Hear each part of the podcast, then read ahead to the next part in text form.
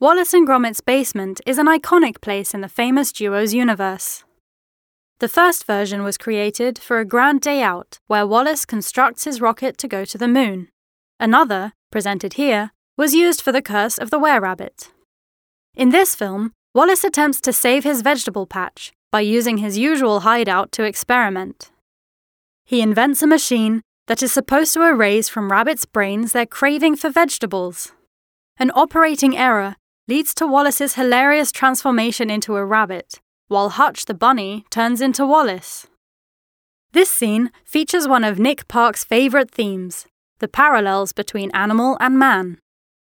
The recurrent analogies were already present in his short Creature Comforts, and of course in the character of Gromit, a dog who thinks and acts like a human.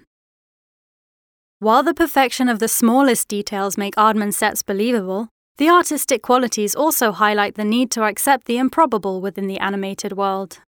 For example, the art director on the movie Curse of the Were Rabbit decided one day to count the number of bricks in the journey from Wallace's bedroom to the basement. The result surprised everyone. The total number of stacked bricks would place Wallace's basement 121 meters underground. This exuberance in numbers and details, and Aardman expertise, is found in the numerous variations created for a single character of the film. For The Curse of the Were Rabbit, more than 500 rabbits, 43 Gromits, and 35 Wallaces were created.